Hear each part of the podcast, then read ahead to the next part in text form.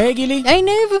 היי נערה מלכין שמקליטה, היי מאיה בניסן שעורכת. היי למאזינות ולמאזינים שמאזינות ומאזינים לתרבות יום א'. פודקאסט התרבות של עיתון הארץ ש... חזר מחופש וכולו מלא עיזוז לספר לכם על הדברים המעניינים בתרבות שקורים השבוע. ומה חשוב השבוע? השבוע יום השואה, ערב יום השואה יוצא מחר, אנחנו נדבר עם שי פוגלמן על הסרט שלו יומני בודפשט שישודר בכאן 11. יהיה לנו סיבוב מהיר שיתחיל בביף ויסתיים מי יודע איך. וכמובן, אנחנו נצטרך להתייחס לפרק, ניב. הפרק. הפרק. של יורשים. יורשים. אבל כבר אני אומר מראש, כולל ספוילרים. אז מי שלא ראה את פרק 3, שיעביר קדימה, נכון? שיעביר קדימה, שלא יבואו אלינו בטענות. כן. סליחה, זה כבר בכל מקום, עבר שבוע, בסדר, תעבירו אבל- קדימה. אבל, אבל יש אנשים אפילו מתוכנו, בשר מבשרנו, שלא ראו את הפרק, ו... יש להם בעיה חמורה. בשבוע שעבר נפטר מאיר שלו מענקי הספרות העברית. שלושה שבועות לפניו בערך נפטר מאיר ויזלטיר מענקי השירה העברית. ובתור מי שמסקרת ספרות על אה, בסיס יומי, גילי, אז אני תוהה מה היה מקומו של מאיר שלו בחייך. בעיקר על מדף הספרים שלי, כן. לשם כיוונתי, לא חשבתי שהוא לכם... וכ... מעבר ועל מדף ספרי הילדים בבית שלי, וכמרואיין שמאוד מאוד חיבבתי, גם אם הוא התחיל כמו אה, עוגייה קשה, אתה יודע, תפקוקי כזה. הוא היה מרואיין נורא טוב, הוא פעם הגיע להרצות לנו במגמת הסרטאות בחוג לקולנוע, זה היה השיעור השני בקורס סופרים מספרים, ואחרי שהוא הלך אז קובי ניב אמר, טוב, זה היה השיעור הכי חשוב שלכם השנה, אפשר ללכת הביתה. אני חושבת שהיה במאיר שלו איזה שילוב, אתה יודע, אני לא הראשונה שאומר את זה, אבל איזה נינוחות אינטימית עם, עם שפה ועם עברית, שהלמה בצורה מבריקה את המחשבה המהירה שלו. זאת אומרת, משהו שם היה מאוד מאוד נוח, הוא, הוא הסתובב עם שפה ועם מילים כבן בית. אה, הייתה אינטימיות, היה נוח לו. והיה לו מא- מאין לשלוף. אני לא קראתי את כל הספרים שלו, קראתי, אני חושבת, ארבעה, את עשיו, רומן רוסי, שתיים דובים ויונה ונהר. אני הכי אוהב את עשיו. אני מודה שגם הוא החביב עליי, וזה תמיד הפליא אותי, היכולת שלו לקחת את האנשים האלה ולהפיח בהם חיים באמצעות מילים. זה פשוט הקסם הזה שסופרים יודעים לעשות כשהם ממש ממש יודעים מה הם עושים, גם לספר לך סיפור וגם לספר לך אנשים. וגם לכתוב כל כך יפה, איזו עברית. אני רוצה להגיד, גילי, שהחיבור הראשון שלי למאיר שלו היה דרך זה שהוא הוא הגיע מהטלוויזיה. והעובדה שהוא הגיע מהטלוויזיה והיה בעלי כותרת ובשעה טובה, תוכניות עם 100% רייטינג, אז זה גם גרם לי לרצות לקרוא את הספרים שלו כשהייתי קטן. כאילו, כשאימא שלי אמרה, בוא אני אקריא לך ספר של, בוא תקרא ספר של מאיר שלו, או בהתחלה היא קראה לי ואז קראתי בעצמי. אז זה היה של ההוא מהטלוויזיה, ואז אחר כך כשניגשתי לקרוא את הסב, אז זה היה של ההוא מהטלוויזיה, זאת אומרת, זה, זה ריכך אותי, וזה הפך את זה לפחות מנוכר בעיניי, זה נשמע מטופש. בכלל לא. ואני אתוודה וידוי אה, מטופש, כן. שהעובדה שהספר הראשון, רומן רוסי, של אה, מאיר שלו יצא כשהוא היה בן 40, היו שנים בחיים שזה, לפני שהייתי בת 40, שמעתי את עצמי, אוקיי, יש זמן, אולי מתישהו, אולי צ'נדלר התחיל מתישהו. בגיל אפילו יותר מאוחר, שתדעי. כאילו, אז אה, היום, ממרומי גיל 42, אני יודעת ששום מאיר שלו לא יצא ממני. דיברתי על הקשר של טלוויזיה וזה, אז גם עם ויזלטיר יש לי אה, סיפור טלוויזיה. אה, או קשר טלוויזיוני. והוא שכשהייתי סגן עורך בדיבור חדיש, זוכר את התוכנית הזו בערוץ 8? בטח, כן. אז מאיר ויזלטיר היה פאנליסט שלנו. והוא היה מגיע מדי שבוע, עם כל השיער הלבן הזה והרוקנרול. בדיוק כך. והוא היה כל כך רוקנרול, כאילו, אפילו מאחורי הקלעים, וכשאיפרו אותו, ואיך שהוא היה, מת... כל מי שהיה שואל אותו שאלה, לא משנה אם, היה, אם זו הייתה מירי חנוך, או אסף הראל, או אני, הוא היה מתרכז עליו. הוא תמיד היה רוטן, וזה היה חלק נורא מהותי ממישהו, הרטינה הזו. זאת אומרת, איך אתה מעז בכלל לשאול אותי? למה זה לא ברור לך? היה בו משהו כאילו כזה גדול מהחיים, שכולם הסתכלו עליו במין הערצה כזו, וזה היה מין, זה מאיר ויזלטיר שהגיע עכשיו פה לדבר על אה, אה, גדעון סער ומה הוא חושב על החליפה שלו. וזה אפשר טיפה אינטימיות מולו, מול איזה מין מוסד כזה. מהמם. אה, בטח של שירה, שזה משהו נורא נורא נשגב, ומאיר ויזלטיר הוא הכי נשגב בשירה הנשגבת. אז אה, לא יודע, זה מוסס איזו חומה קטנה שהרגשתי מול מאיר ויזלטיר. זה המנוח ואני שלי, לעת עתה. אזהרת ספוילר אחרונה לפני שאנחנו צוללים לפרק שלוש של יורשים. כן, אם לא ראיתם את פרק 2 ו-3 של יורשים, אה, מה אתם מחפשים פה? לכו. I feel knocked out. I didn't sleep. Yeah, I'm actually, I'm fine. I just didn't see it coming. For some of us, it's a sad day, but for others, it's coronation demolition derby. Hey guys, Hi. it's great that we can all, the family, can support each other and stay strong through this. Yeah. Thanks, Greg. I'm sad. What are these? מה פרק 2? מה עכשיו פרק 2, גילי? למעשה אי אפשר, אנחנו פספסנו את פרק 2, אבל כי כשאתה הייתה יודע... חופשת פסח. נכון, אבל כשאתה יודע את מה שאתה יודע על פרק 3, אתה כאילו, מה היה שם בפרק כאילו מה, את רוצה לחזור בעוד ל- פרק הזה? את רוצה לחזור ל- לחדר קריוקי שקונוס... העגום ביותר כן. בעולם. ולשיר את פיימוס בלו ריינקוט של ליאונרד כהן. אה, אני מעולם לא חשבתי שזה משהו שאפשר לשיר בקריוקי. אני מעולם לא חשבתי שזה יהיה שיר כל כך קומי. כאילו זה לקחת את אחד השירים המדכאים בהיסטוריה, וכשהוא שר אותו זה הדבר הכי מצחיק בעולם. אה, שוב, יש לנו מחלוקת על מה מצחיק ביורשים ומה לא, זה לא הצחיק אותי, זה פשוט מצחיק, כאילו באמת, כן. אה, נחמר ליבי על כולם שם בערך. שמה, שהמילים האחרונות שאומר להם אבי הם בפרק הזה, מהמם. אה, הם, אה, אתם לא אנשים רציניים? כן, ואז כשאנחנו מגיעים למוות שהוא כאילו המוות הכי, אה, נכון? סתמי? סתמי את חושבת? לא, תראה, נגיד אני, נהוג לדבר על, אה, על אה, יורשים כעל מין אה, טלנובלה שנופחה למימדים שייקספיריים, נכון? עכשיו, טלנובלה, אני, אתה אני ת- חושב אחרת, אני חושב שזו קומדיה בריטית שמתחפשת לדרמה אמריקאית, אבל בסדר. אוקיי, אבל נגיד בטלנובלה, באופרת סבון, אתה רואה את הכל, כאילו הגיבור שלך נוסע לחוץ לארץ, הוא עולה על המטוס, הוא יושב במטוס, הוא מדבר בטלפון הלווייני של המטוס, הוא יורד מהמטוס, הוא מחכה למזוודה, זה כאילו הכל קורה שם. את מדברת על סיפר ומסופר. ואז אתה מגיע למה שלאורך אה, שלוש עונות חשבת שיהיה רגע השיא של הסדרה הזו. ואפילו תיארת לעצמך שזה בוודאי יקרה לקראת סוף הסדרה בפרקים האחרונים ביותר שלה. והנה זה מגיע ואתה אפילו לא רואה את המוות שלו. אבל מה- אתה מה- רק שומע עליו. מה חסר לך? כאילו, מה, רצית לראות אותו? הלב שלי! תופסת לי! עושה, שיש אוי. איזה סצנה דרמטית סביב הדבר הזה, אבל לא, בעצם אנחנו מגלים בטלפון כמה עלוב ויומיומי. אה, כמה עלוב ויומיומי שאבא שלך במטוס הפרטי שלו אה, אה, מקבל התקף לב, ותוך כדי שהוא עובר עיסוי להחייאה, אתה עוד מצליח לומר לו מילים אחרונות. כן, למי מאיתנו זה לא קרה? לא, הם, הם לא באמת מצליחים, הם לכאורה, אם הוא שומע משהו, אז הוא ישמע את מה שהם מקשקשים לו בטלפון. אבל מי שומע על ערש דווי? מי באמת שומע? איש לא שומע, אתה צודק שם. אבל אני רוצה להסב את תשומת לבך, אה, אתה זוכר, בפעם האחרונה שדיברנו על, על אה, יורשים, דיברנו על שי ועל מה שהיא... הייתה הפעם הראשונה. אז דיברנו על התגובה של שיב כשהיא, אה, כשהיא ותום אה, מחליטים להיפרד, נכון? כן. היה שם איזה משהו מאוד מאוד תועלתני. ואני רוצה להסב את תשומת לבך, האם שמת לב מה הייתה התגובה שלה כשניגש אליה אח שלה ומספר לה שאבא שלה מת כנראה? היא אומרת, no, I can't have that. כן. שזה פשוט, לא, לא, אני, כאילו היא מזמינה במסעדה, נכון? היא כל כך רגילה לקבוע מה קורה לה. זה כאילו היא מנהיגה מדינה וקיבלה דוח מחברת אשראי שמדבר לא, לא. על זה שהיא תוריד Mm-mm. אותה בדירוג, והיא אומרת, לא, לא, I can't have לא that. קורה, זה לא קורה. לא, אני לא ארד. נכון. אז בעצם בפרק הזה אנחנו מגיעים לחתונה של אה, קונור. ככה ו- קוראים לפרק, שזה נכון, שם מדהים, החתונה של... של קונר. כן. איזה ביש מזל שלימה זה לקונור הזה. איך את יכולה, להת... אנחנו באמת, אנחנו קוראים את הסדרה הזו כל כך אחרת. איך הוא ביש מזל? איך מיליארדר הוא ביש מזל? באיזה עולם מיליארדר שגם יותר מזה, בפרק הזה הוא מבין שמי שהוא אוהב, גם אוהבת אותו בחזרה. וזה מנחם אותו הרבה יותר מכל מה שאבא שלו יוכל לתת לו אי פעם. נכון. אנחנו מגיעים לרגע הזה שאמור להיות הרגע הגדול של קונור, והחתונה שלו בעצם היא לבד. הוא ווילה מחליטים אה, להתחתן, אחרי שזה כזה במין סימן שאלה, נכון? וגם כל האהבה ביניהם היא משהו שהוא כלא קיים. כן, לא ברור כמה זה אה, אהבת אמת וכמה זה יחסי תן כך שילומים, אפרופו גם מה שאמרת על שיב.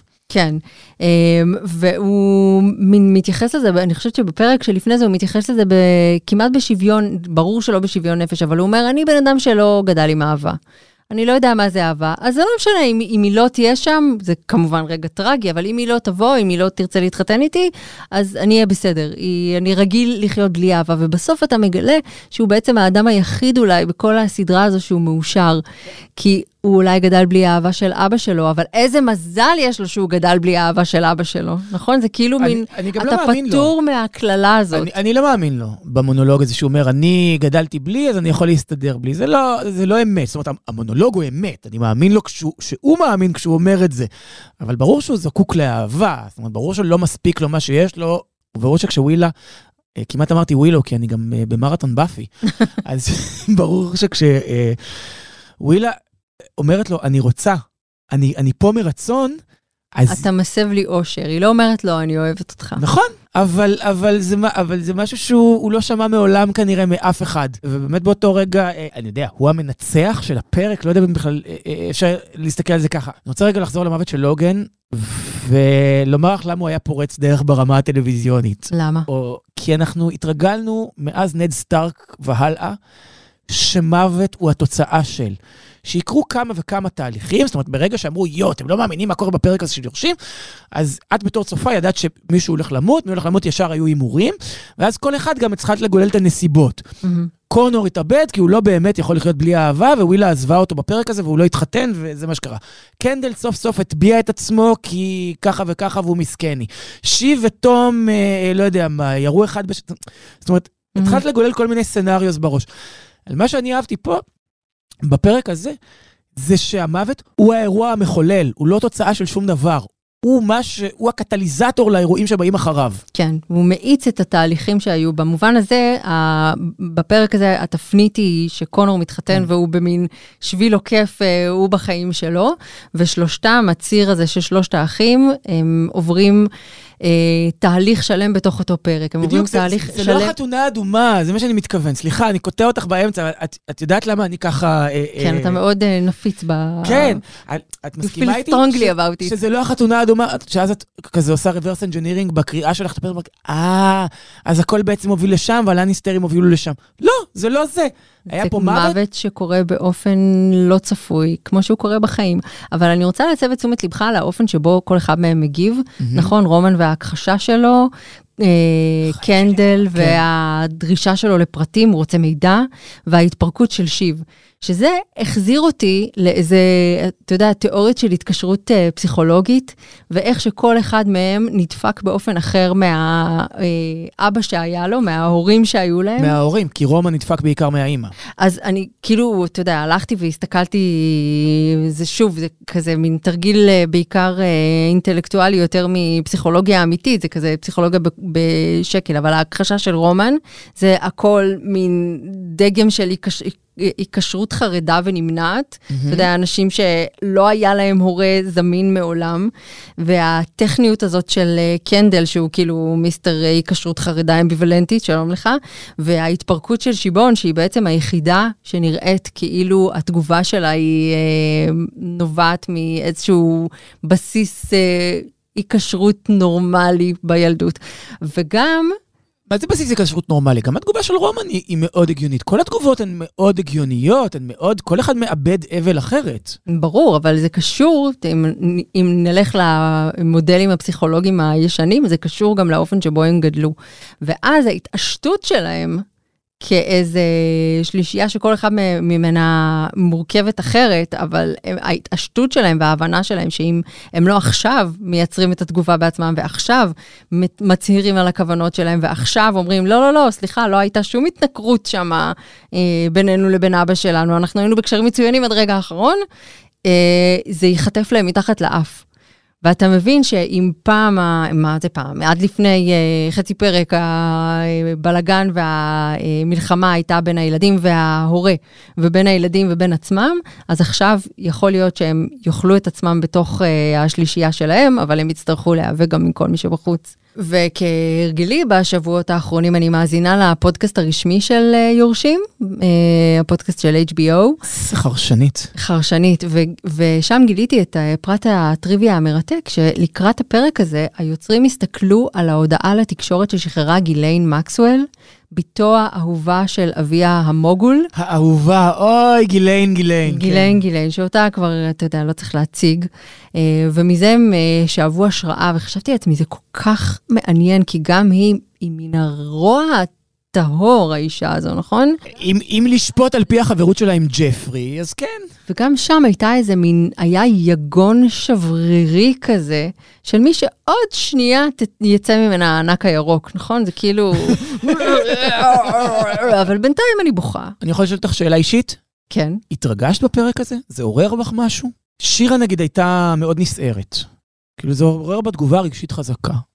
ואני, כמו שאמרתי לך קודם, אני רק צוחק ביורשים. זה לא, אני לא מצליח להתרגש. אני, ה, ה, הם, נראה לי שהכתיבה שם היא כל כך צינית, והיחס לדמויות הוא כל כך ציני, שגם הנקודת מבט שלי היא צינית. זאת אומרת, את אומרת, זה, זה הסיטואציה האנושית, וישר אני כאילו אומר, אה, למי מאיתנו זה לא קרה, שאבא שלו מת במטוס פרטי. אה, זאת אומרת, אני, קשה לי לרחם עליהם, לא בגלל שיש להם כסף, אלא בגלל האנשים שהם. ואני חושב שזה גם חלק מהעניין. זאת אומרת, אה, אה, ליצור כאילו סיטואציות שאפשר להזדהות איתן עם האנשים, זאת אומרת, הקונפליקט פה הוא שהסיטואציה היא מאוד מאוד אנושית, והאנשים הם לא אנושיים. זאת אומרת, הדמויות הן לא אנושיות. ואז איפה אתה? אתה, אתה מסתכל איפה לך היה אובדן בחיים ואיך אני מזדהה עם זה, או שאני מסתכל על האנשים. ואני לא יכול להתנתק מהאנשים, ואני לא יכול שיכאב לי עליהם. אני מבינה ממש מה אתה אומר, ואני גם מרגישה באופן דומה. כן, בפרק הזה היה לי, הם מעניינים אותי שוב כמין אה, דגם. כאילו יש לי עניין אינטלקטואלי בהם, אני מנסה להבין את, ה, את הדינמיקה ואת הפסיכולוגיה שמאחורי הדבר, גם אם הכלים שלי הם כזה, אתה יודע, פסיכולוגיה של ויקיפדיה. אה, הם מרתקים אותי, הם להגיד לך שהלב שלי איתם, הוא לא איתם. זהו, זה, זה גם מה שאני מרגיש, כאילו, שזו סדרה מעולה, כן? וזה היה פרק אדיר. הוא היה כתוב ללא רבב, ומשוחק באמת, כל אחד מהשחקנים הראה את נקודות החוזק שלו, ואיפה הוא, הוא והדמות שלו הם אחד הם, נכון? Mm-hmm. אה, אה, חוץ מלוגן, שלא כל כך ראינו אותו בפרק הזה, אה, בריין קוקס. מעניין אם הוא יחזור בפלשבקים. נראה לי שלא, זה לא כזו סדרה. כן. וגם העובדה שהסדרה הזו היא בלתי צפויה עד הסוף, כאילו אין לנו מושג מה יקרה מעכשיו, נכון? נכון, אבל יש ש... לי הערה לגבי כן. הפרק השלישי, כן. אמ, שהפרק השלישי, כאילו, אנחנו צריכים להתחיל לדבר על זה כעל איזשהו אה, מושג, כמו ב-The Last of Us, שהפרק השלישי הוא יציאה, וכמו בסדרות אחרות שהפרק... בנות? שהפרק השלישי, כן. אמריקן הוא... ביץ', עונה שיש פרק שלוש? כן. אה, את אומרת שזה הפרק 9 החדש? כן, אני חושבת שפרק 3 הוא מן ההזדמנות של, אה, של יוצרי טלוויזיה לעשות, אוקיי, ועכשיו תראו מה אני הולך לעשות. אוקיי, בשביל הקסם הבא... אני אזדקק לשלושה פרקים לפחות. כן. תשמעי, רק דבר אחרון, שזה לא יצא שאני חושב שבגלל שיש להם כסף, הם לא ראויים לרחמים, זה לא העניין. לא, אה, אבל הכסף כל כך משפיע על האנשים שאתה לא יכול לנתק אותו, הם כאילו דוחים. זה לא הכסף, זה מה הכסף עשה לאנשים בדיוק, האלה. בדיוק, הוא השחית אותם. 18 במרס 1944, יום שבת. אביב חורפי. רגע סופת שלג ורגע השמש זורחת. כשהיא מציצה אני יורדת לחצר ומתחממת מעט, אבל מאוד חסרת מנוחה. ביומיים האחרונים היו אזעקות, אבל לא קרה כלום. היום היה שקט. 11 בערב, אני מכבה את האור. מחר, שזה יום שני ערב יום השואה, ישודר בכאן 11 הסרט התיעודי יומני בודפשט של אה, חברנו הבמאי והעיתונאי, שי פוגלמן, שנמצא כאן איתנו. היי, שי. היי. בעצם בסרט הזה אתה לוקח יומנים של אנשים אנונימיים, פרטיים, רגילים, שנכתבו במהלך המלחמה, ודרכם מספר מה? את החוויות והאירועים כפי שהם נכבו על ידי אותם כותבים, דרכם בעצם.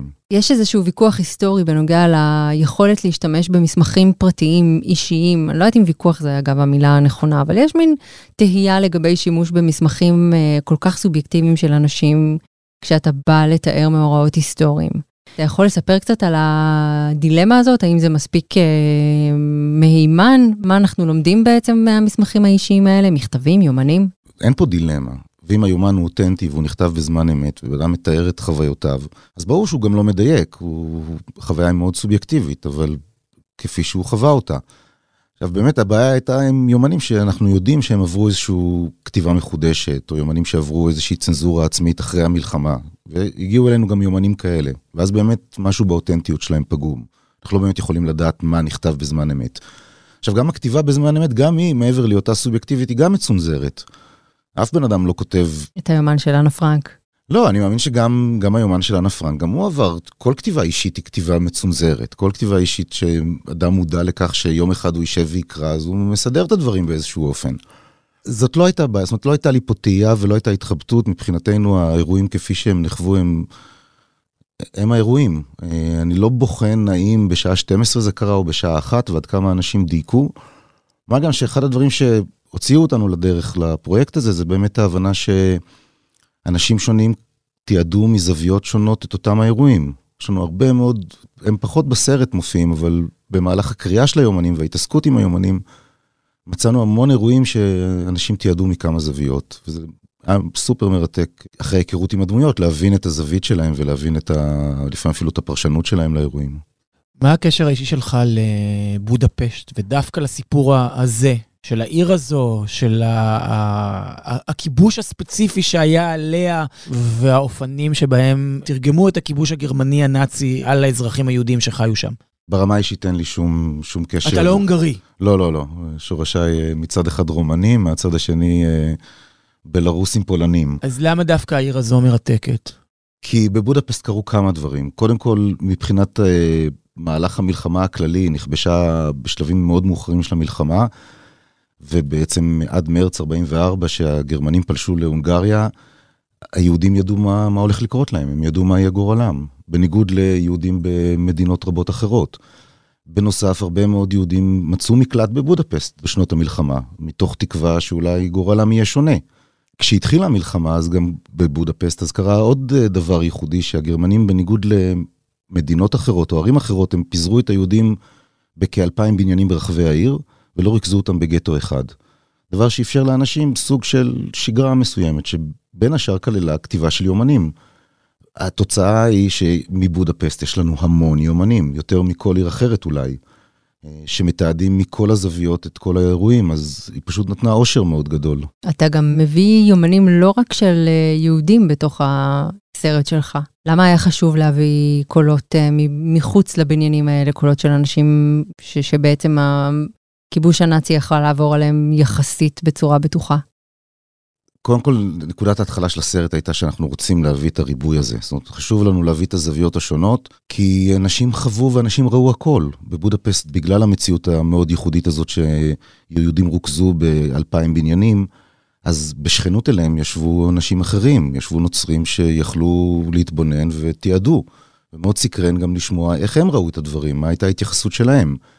ועוד נקודה שהיא בהקשר הזה היא חשובה, בתהליך הזה של העברת היהודים, זאת אומרת של ניוד, החלפת הבתים, יש לנו, היו המון תיעודים של אנשים שמתארים איך המשפחה פתאום נלקחת, משפחת כהן, מקומה שלוש, שהייתה מאוד אהובה, פתאום היא איננה, ואת מי מכניסים במקומה. עכשיו אותו דבר משפחת כהן, שנלקחה מהבניין ועכשיו היא נדחפת לתוך איזה דירת חדר עלובה בקצה השני של העיר, גם היא מתעדת את החוויה שלה ואת הקריאה שלה מתוך הבניין, אז פתאום דווקא ריבוי הזוויות הוא מאפשר הבנה יותר עמוקה, אני חושב, של, של החוויה.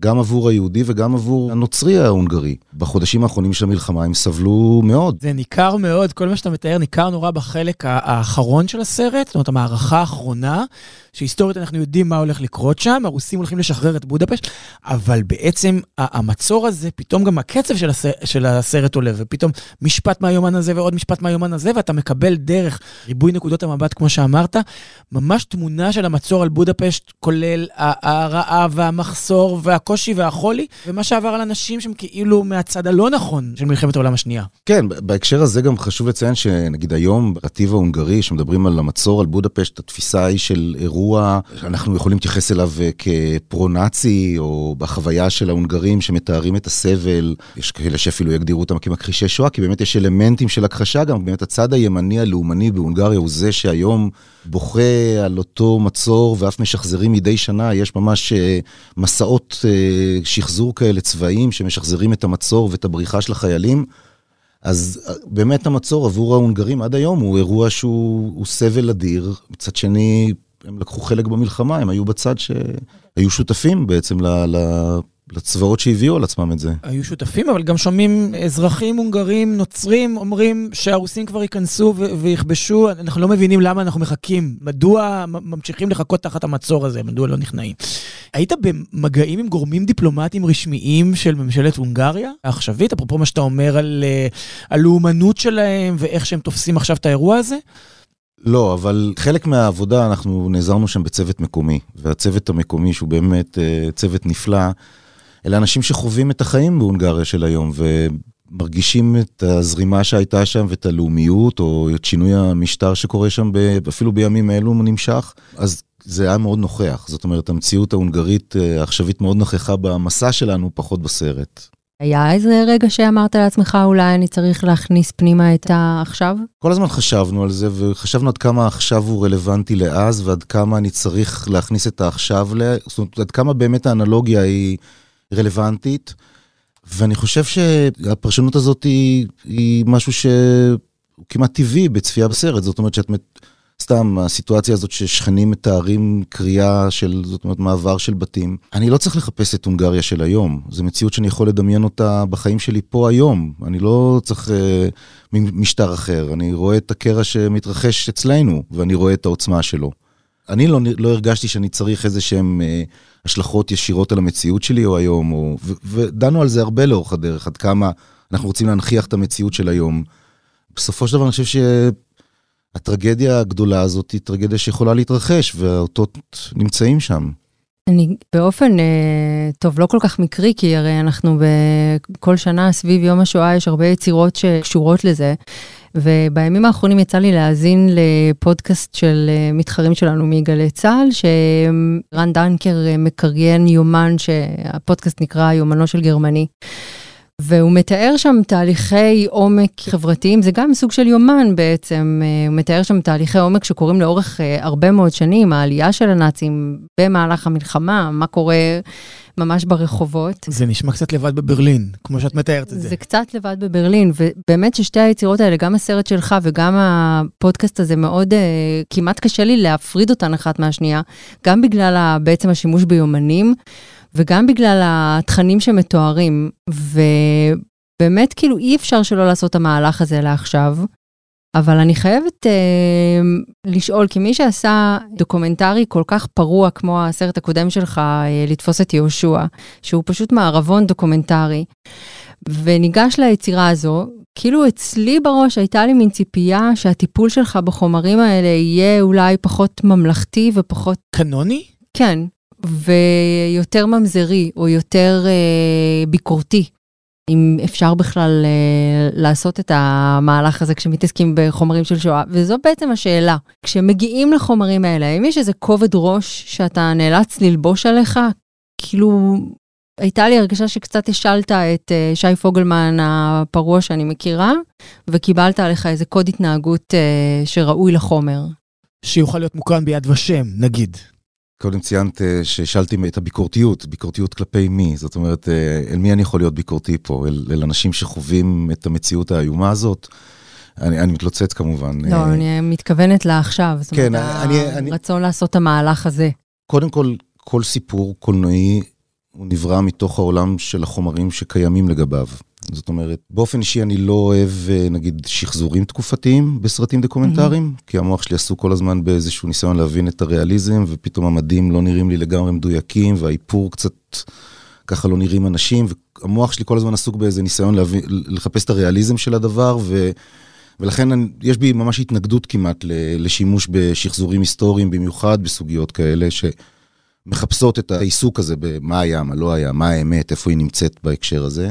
גם חשבנו בשלבים מסוימים ללכת על אנימציה, אבל זה סכומים שהם בכלל לא נתפסים. אני חייבת להגיד שוויזואלית, באמת צלחתם את האתגר הזה, כי יש שם המון ויזואליה, והתמונות יפהפיות. זאת אומרת, אה, אני לא יודעת אם אנשים היו יפים באמת כמו שהם הצטלמו אז, אבל אה, יש בזה... וזה באמת היה האתגר, ש, שניצבנו מול סיפור שהוא לכאורה סיפור, הוא קודם כל סיפור טקסטואלי, אנשים כתבו יומנים. אין לנו תיעוד לא, לא ארכיוני שלהם, אין לנו וידאוים שלהם, אין לנו סאונדים שלהם, מילים כתובות בדרך כלל בכתב יד על ניירות מציבים. אז זאת נקודת התחלה של חומר, ואחר כך באמת ניסיון לבנות את הסיפורים ולהבין את הדמויות ולהכניס קצת יותר מורכבות לכל הדמויות.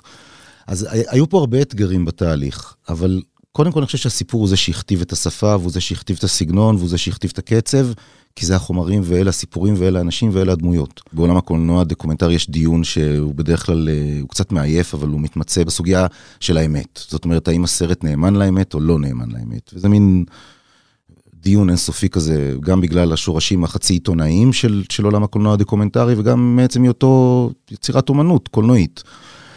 באופן אישי, אני מאלה שמאמינים במרחב האומנותי והיצירתי, ואוהב לראות סרטים שהם אמיצים, ושיש בהם אה, חציית גבולות, ושהם מאתגרים את המחשבה, ואני מוחל על הרבה פאולים ועל הרבה פאולים של אמת הכוונה בסרטים מסוימים. אבל בסרטים שעוסקים בשואה, לתחושתי הייתה שאני מחויב פה לאיזשהו אה, דיוק מסוים. במיוחד בסוגיה ההונגרית, שהיא כל כך שנויה במחלוקת בהונגריה, בנרטיב של היום, השואה היהודית שם. החל מאנדרטאות ממשלתיות שמתכחשות לשואה ומדברות על הסבל ההונגרי, ומחאה עממית שמתנגדת לכך. זאת אומרת, הנושא הזה הוא, הוא בעינינו הוא טריוויאלי וברור, אבל הוא לא נתפס באותו האופן.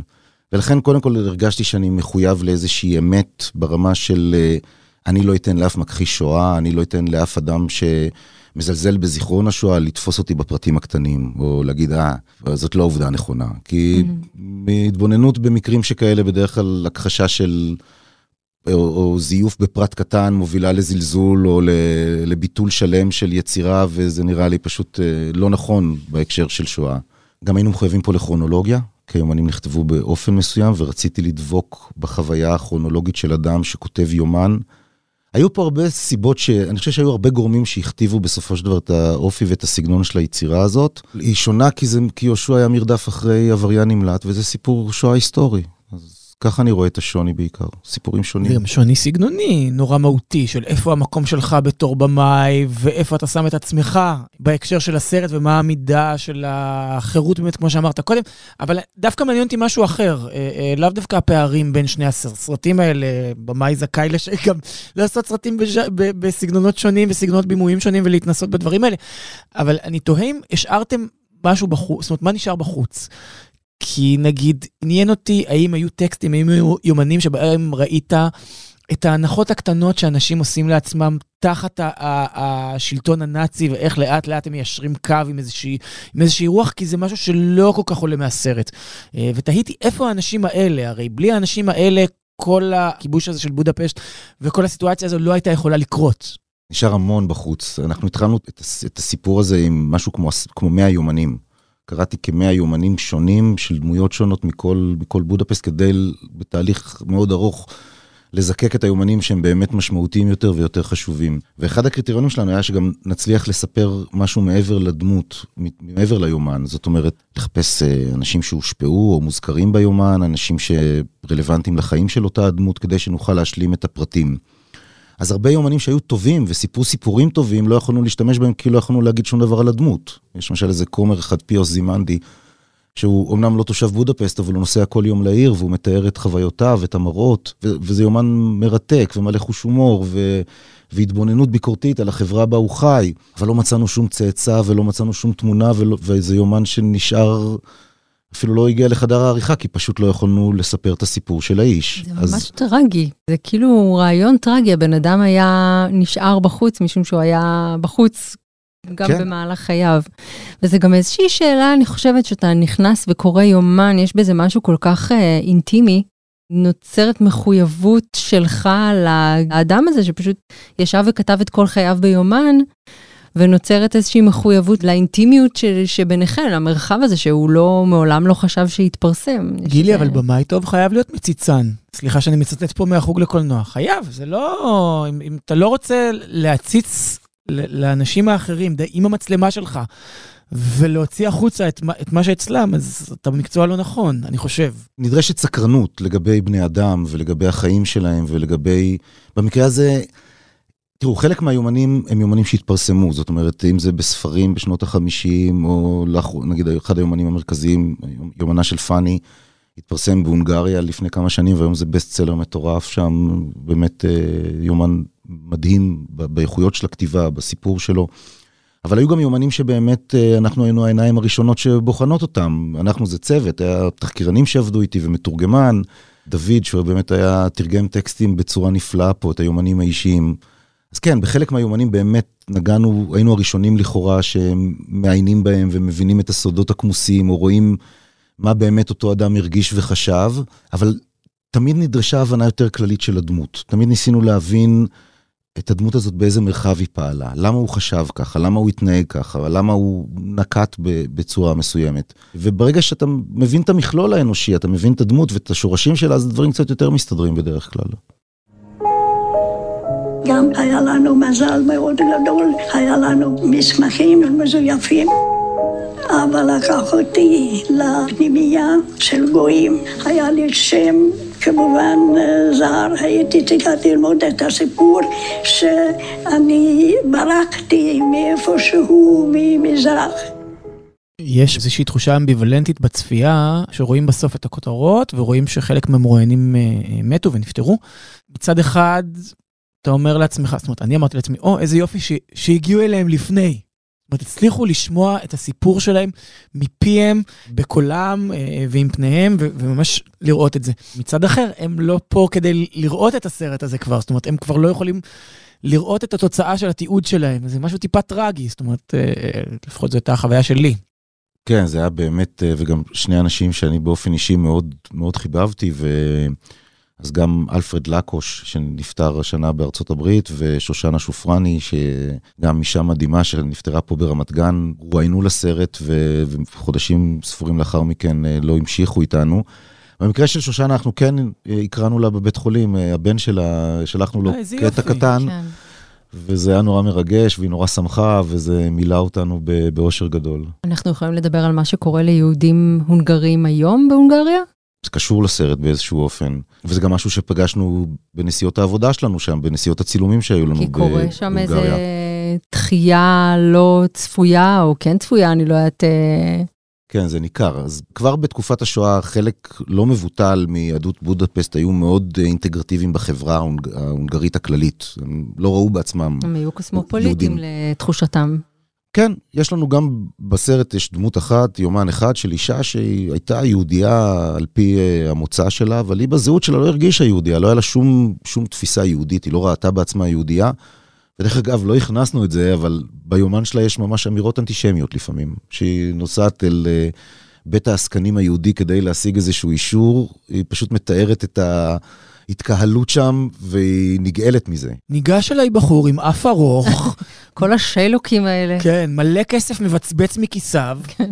כן, כן, אבל אנשים אה, היו עסוקים בהישרדות, אנשים רצו להציל את חייהם ואת חיי קרוביהם, והם עשו הכל בשביל זה, אז אולי למתבונן מהצד זה לא תמיד היה נאה, אבל אלה היו המחזות. הקהילה היהודית כבר בתקופת השואה היו בה חלק, אה, אני לא יכול כרגע לנקוב באחוזים, אבל חלק לא מבוטל שהוא היה מאוד אינטגרטיבי וראה בעצמו הונגרי. וחוויית המלחמה רק חידדה אצלהם את התחושה הזאת לאחר המלחמה. זאת אומרת, הם פתאום הבינו שהם נרדפים בשל היותם יהודים, אז אם הם יצליחו להשיל מעל עצמם את היהדות הזאת באופן מלא ומוחלט, אז אולי הם יהיו הונגרים שווי זכויות ויחיו חיים שלווים יותר. ואותו דבר קרה בתקופה הקומוניסטית. כך שהמציאות של השנים האחרונות היא שבהונגריה יש, אה, אני לא יודע, אלפים או אולי עשרות אלפי אנשים צעירים שמגלים בשנים האחרונות את השורשים היהודים שלהם. בני דור שני ושלישי של אנשים שנטשו את הזהות, הפנו לגב, פתאום מגלים אותה ומאוד אה, משתוקקים אליה. יש כמה דוגמאות מפורסמות, אחת מהן אפילו הרב הצבאי הראשי של צבא גרמניה, שמונה לאחר 100 שנה, מונה רב יהודי. זה בחור כזה שגדל בהונגריה וגילה בגיל תשע שהוא בעצם יהודי, התחבר לשורשיו וחזר בתשובה ונהיה רב. זאת קהילה ש, שמתעוררת, וביקרנו שם באחד הבתי כנסת החדשים שנפתחו, וזה בניין מרשים ומדהים ביופיו. ואין תחושת רדיפה מצידם? לא, הם uh, מאוד גאים ביהדותם, הקהילה גם שוכנת uh, בסמוך לבית כנסת uh, הגדול ברחוב דואני, שזה ממש במרכז העיר. הנוכחות היהודית בבודפסט, אני חושב שהיא ממש חריגה בכל ערי אירופה. ואיך זה מסתדר עם uh, מה שאנחנו שומעים על אנטישמיות, שומעים, קוראים, רואים, על uh, אנטישמיות שמתעוררת גם היא uh, בהונגריה, או שזה מחוץ לבודפשט, בעצם בודפשט, כמו שפה נגיד תל אביב היא עיר יותר ליברלית. כשאנחנו מסתכלים על הגיבורים הלאומיים של אותם עמים, עמי אירופה, מי הם האנשים שנתפסים בעיניהם כמשחררים, מי האנשים שנתפסים בעיניהם כגיבורים הלאומיים שלהם, אז כן, חלקם היו אנטישמים וחלקם uh, ביצעו מעשי טבח איומים ביהודים. אבל התודעה והזיכרון ההונגרי, סלש אה, אוקראיני, פולני לפעמים, הוא לא בגלל אותם מעשים, אלא בגלל אותה לאומיות, או אותם דברים אחרים שאותה דמות עשתה.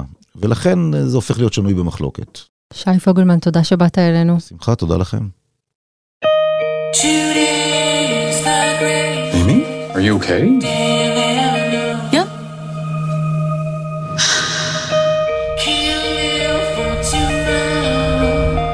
I've been hustling my whole life. And look where it's gotten me. Let's make it stop. אז מה נדבר על ביף? כן. כי פתחתי הבוקר את העיתון, ככה, הופ, לרווחה. את אה, דפי הברודשיט. החזקת את הסדין. כן, וראיתי שם המלצה אה, שלך, על הסדרה המצוינת ביף, נכון. בנטפליקס, וראיתי אותה אתמול, אה, הגעתי עד לפרק 7. איפה את? אה, לא בפרק 7, אני אוקיי. אה, אבל עדיין ראיתי מספיק, אני חושבת, בשביל להבין שזו סדרה מעולה ושהיא מוצאת חן בעיניי ואני מתכוונת להמשיך לצפות בה. למרות האכסניה שלה? למרות האכסניה שלה, שכאילו, אתה יודע, נטפליקס, אתם כאילו המקום שמגיש מרגרינה. כן. נכון? אה, הנה, קחו... שונדה ריימס. שונדה ריימס. חמש, שש, חתיכה רוצח סדרתי, אתה רוצה? בא לי. אה, שבע, שמונה... דוקו פשע. דוקו פשע, משהו אבל שקרה בבית ליד. כן. אה, כזה, אתה יודע, זה מה עם היה... איזה נוכל? נוכלים לא היה על למכביר, נוכלים, משהו, אה, כן, נוכלים למכביר. אתה יודע, זה כאילו הם- הם הולכים על הכמות, על המסה. ניסיתי לחשוב מה הייתה הסדרה האחרונה של נטפליקס, כאילו שממש אה- אהבתי סלש אהבנו. מהמם. אה, לא, הייתה איזה, היה איזה משהו, אני זוכרת שדיברנו פה. כן, לא זוכר מה זה היה. כאילו הדבר האחרון שאני מצליח לחשוב עליו זה קווינס גמביט, אבל אני בטוח שהיה משהו אחר. לא, היה משהו היה גם אחר. כך עוד משהו, בטוח, נכון? אבל תשמע, למה היא טובה בעיניי? נו. גם כי היא מצליחה אה, להיות סופר קצבית, יש לה vibe כזה שהכל קורה נורא נורא טוב ומהר, הדוק וזה. הקצב בזכות הבמאי היא קארי או היא קורי? אה, וכי יש לה גיבורים מאוד מאוד מעניינים. אלי וואנג היא אשת עסקים מאוד מאוד מצליחה, שעוד שנייה הולכת להיות אה, מיליונרית שעשתה את זה מכלום, נכון? או, או לעבור אה, התמוטטות עצבים, כן. כן. כן. או, או זה או זה. אה, והדני כן, סטיבן יון. הוא קבלן שיפוצים לדעתו, אה, שיפוצניק נודניק לדעת אה, אחרים, והוא מחזיק בציפורניים את אחיו, את ההורים שלו, את עצמו, אה, במציאות כלכלית שהולכת ונהיית מסובכת יותר. ואז יש להם ריב בכביש. למי מאיתנו זה לא... ריב- זה באמת למי מאיתנו זה לא קרה, כי לי היה משהו ממש דומה לפני איזה חודש, בחיי. באמת. שהתפתח לנקמת כן. דם. זה התפתח מאוד לא נעים, ואני לוקח את אה, אה, האשמה והאחריות עליי. הייתי צריך להיות האדם הגדול יותר, ולא הייתי. די. כן. איך לא שמעתי על הדבר הזה? כי אני מאוד מתבייש אנחנו נדון בעניין כי הזה אני ממש... מתבייש באיך שהתנהגתי, מה... אז, אז מה... ומה הדבר הכי אה, מתבקש לעשות כשאתה מתבייש במשהו? לספר עליו בפודקאסט שלך לכולם. אני פשוט הייתי מכחישה אותו לנצח, כלא היה. כן, טוב, בכל מקרה, אז הם, רבים אז בכביש. יש להם אה, ריב כביש אה, טיפשי, שפשוט מאמיר למלחמת עולם בערך, נכון? הכל כן. כאילו מתערב בהכל, נוגע שגוררת בהכל. פנימה את כל היקרים להם. כן, כל בני המשפחות שלהם אה, נכנסים איכשהו פנימה, זה הופך להיות באמת אה, מלחמת עולם. עכשיו תשמעי, אה, זו סדרה של A24, אה, האולפן אה, המצוין, שגם נגיד, אה, אה, הכל בכל מקום ובכל זמן, אה, אה, זה סרט של האולפנים האלה, גם מיטב סרטי האימה החדשה, כל יש ה... להם קטע עם קוריאה לאולפן הזה? זה לא שיש להם קטע עם קורא, יש להם אה, אה, קטע עם זה שהם לא מחויבים להוליווד הישנה בסרטים שהם מפיקים. מהמם. יש להם קטע עם קוריאה, כמו שיש להם קטע עם נשים, כמו שיש להם קטע עם אה, קווירים, כמו שיש להם קטע עם הרבה דברים אה, אה, שמאוד מאוד בצייטגייסט, והם נותנים לו אה, פה ובמה ומימון. סדרה טובה מאוד, אני, יש לי טיפה הסתייגויות, אבל אני לא יודע אם זה הזמן לפתוח את זה פה, כאילו, נגיד, אני לא בטוח שכל הדמויות מתנהגות כמו שהן אמורות להתנהג, ולא כפי שהתסריט רוצה שהן יתנהגו. אני... למשל. אני מבינה מה אתה אומר, זה לא הפריע לי. זה לא. כאילו היה suspense of the disbelief מבחינתי. וזה שאב אותי פנימה. וסופר סטייל הסדרה. ממש. כן. ממש. אה, עוד משהו עם קוריאה, אגב, אה, אה, הגיבור הוא קוריאני, כן? אלי וואנג היא עצמה חצי סינית, חצי וייטנאמית, ויש שם גם יפנים, זאת אומרת, יש גם את כל ה- הפוליטיקה הפנימית של אה, אה, הז- הזהותנות המזרח אסיאתית, כן, נכון? כן, לגמרי, אבל גם יוצר הסדרה הוא... אה, הוא קוריאני. הוא קוריאני, כן. גם רואים את זה כי העיסוק במעמדות. הם תמיד בסוף זה מגיע ב- ב- ב- ביצירה קוריאנית, אפילו אם זה לא התמה הכללית, מהמם. זה מגיע לעיסוק במעמדות, כמו שנגיד היה קורה הרבה פעמים עם יצירה בריטית, ועדיין. זאת אומרת, בסוף יש איזה עיסוק מעמדי, כי זה כל כך טבוע בהם, כמו שזה טבוע גם בסרט אה, שאני הולך להמליץ עליו עכשיו. 옛말에 이런 말이 있죠. 살인 한 번이면 참을인 세 번을 면한다. קיל בוקסון. קיל אה, אה, מלשון אה, להרוג, בוקסון זה אה, אה, שמה של האישה, קוראים לה בעצם גיל בוקסון, אה, אבל בגלל שהיא רוצחת שכירה ממש טובה, אז אה, הכינוי אה. שלה הוא קיל. מעין סרט נקמה אה, קוריאני ז'נרי קלאסי, אבל עם הרבה מאוד טוויסטים. איך הם אוהבים לנקום אלה. מאוד אוהבים לנקום, אבל פה גם יש הרבה מאוד טוויסטים. שוב, העניין הזה של המעמדות, מאוד מאוד נוכח שם. ומיזוגניה, שהיא מאוד מאוד נפוצה בדרום קוריאה. יש עיסוק בזה, כי הגיבורה היא רוצחת שכירה ויותר טובה מכל הרוצחים השכירים האחרים. והאם יש גם איזשהו הומאז' לקוונטין טרנטינו, שבעצמו אה, אה, Kill Bill היה הומאז' לסרטים מזרח אסייתיים של פעולה? כן, יכול להיות שזה קיים שם. אתה מוכר אותו. היטב, כן. חייבת להגיד. כן, כן. אני אגב, זה- רשמתי לי בכוכבית. כן, Kill Bill גם בדיוק חוגג 20 שנה, אז שתדעי. אה, אולי צריך לחזור ולראות Kill Bill, אולי נזמין אלינו את קוונטין טרנטינו. יואו, בדיוק סיימתי את הספר שלו, את יודעת? את Cinema Speculation. החדש? אה, כן, ממש ממש מוצלח, ממש. אה, גורם לי לחשוב על קולנוע אחרת ועל על ביקורת אחרת, ואני מרגיש שבהשראת הספר הזה, אני בפני עידן חדש בכתיבה שלי, בחיי. די. כן, ככה אני מרגיש עם קוונטין. את רוצה שנסיים עם אה, עוד מנוח? כן. אה, אין לי ואני איתו. אה, ג'ה שקה, גם אה, ענק לא פחות מ... דאקה. לא, לא גילי, כבר מצחיק עשיתי נורא. את הבדיחה הזו, כן. הרסתי אותה. לא משנה. ג'ה שקה, אה, מגדולי מפיקי אה, הדאב אה, בבריטניה ובכלל, אה, בעיניי ענק לא פחות ממאיר ויזלטיר ומאיר שלו. באמת, כן, בשבילי הוא מילא אה, אה, חלל שנפער בחיי בהרבה מאוד אה, גרוב. הוא היה בארץ בשנת 2000, במערה החשמלית. אה, בסנטר, למטה. כן, כן. זוכרת? איפה שאמדורסקי הופיע. נכון, את היית בהופעה של אמדורסקי? ברור שהייתי בהופעה של אמדורסקי. גם אני, אגוזי חבר שלי התעלף, כי לא היה חמצן. אה, חלשלוש. כן, אחלה הופעה זו הייתה, וגם אה, אה, Jah Shaka הייתה אחלה מסיבה, והוא, מה שהוא עשה, הוא בעצם הביא את מסורת ה sound system, לא הוא לבד, כן? אבל אה, אה, הוא הביא את מסור, מסורת ה sound system הג'מייקנית לאנגליה, והוא היה ממש האבא של הסצנה אה, של הדאב והרגאיי בבריטניה, והוא היה selector מדהים, והוא היה מפיק אדיר, והוא טיפח תחת ידיו אומנים כמו Alpha and Omega וה Disciples, ואפילו Mad Professor, מכירה את Mad Professor שגם עבד עם Massive Attack, לא זוכרת? שיצא ל Protection, האלבום רמיקסים No Protection של Mad the Professor. השלב שבו אני שומעת אה, צופר הערפל שאתה מדבר, כי אני, באמת, ברור אבל- לי שאתה יודע על מה אתה מדבר, ואני תקשיבי, שומעת... היה- הוא היה גם- הוא היה גם חשוב וגם טוב, סבבה? הוא גם אה, הביא את, ה, את הדאב מג'מייקה כמו שהוא, והוא גם פיתח את הדאב הבריטי להיות ז'אנר עצמאי וייחודי. תאמיני לי, הוא יחסר נורא. אה, אני מאמינה לך, וצופר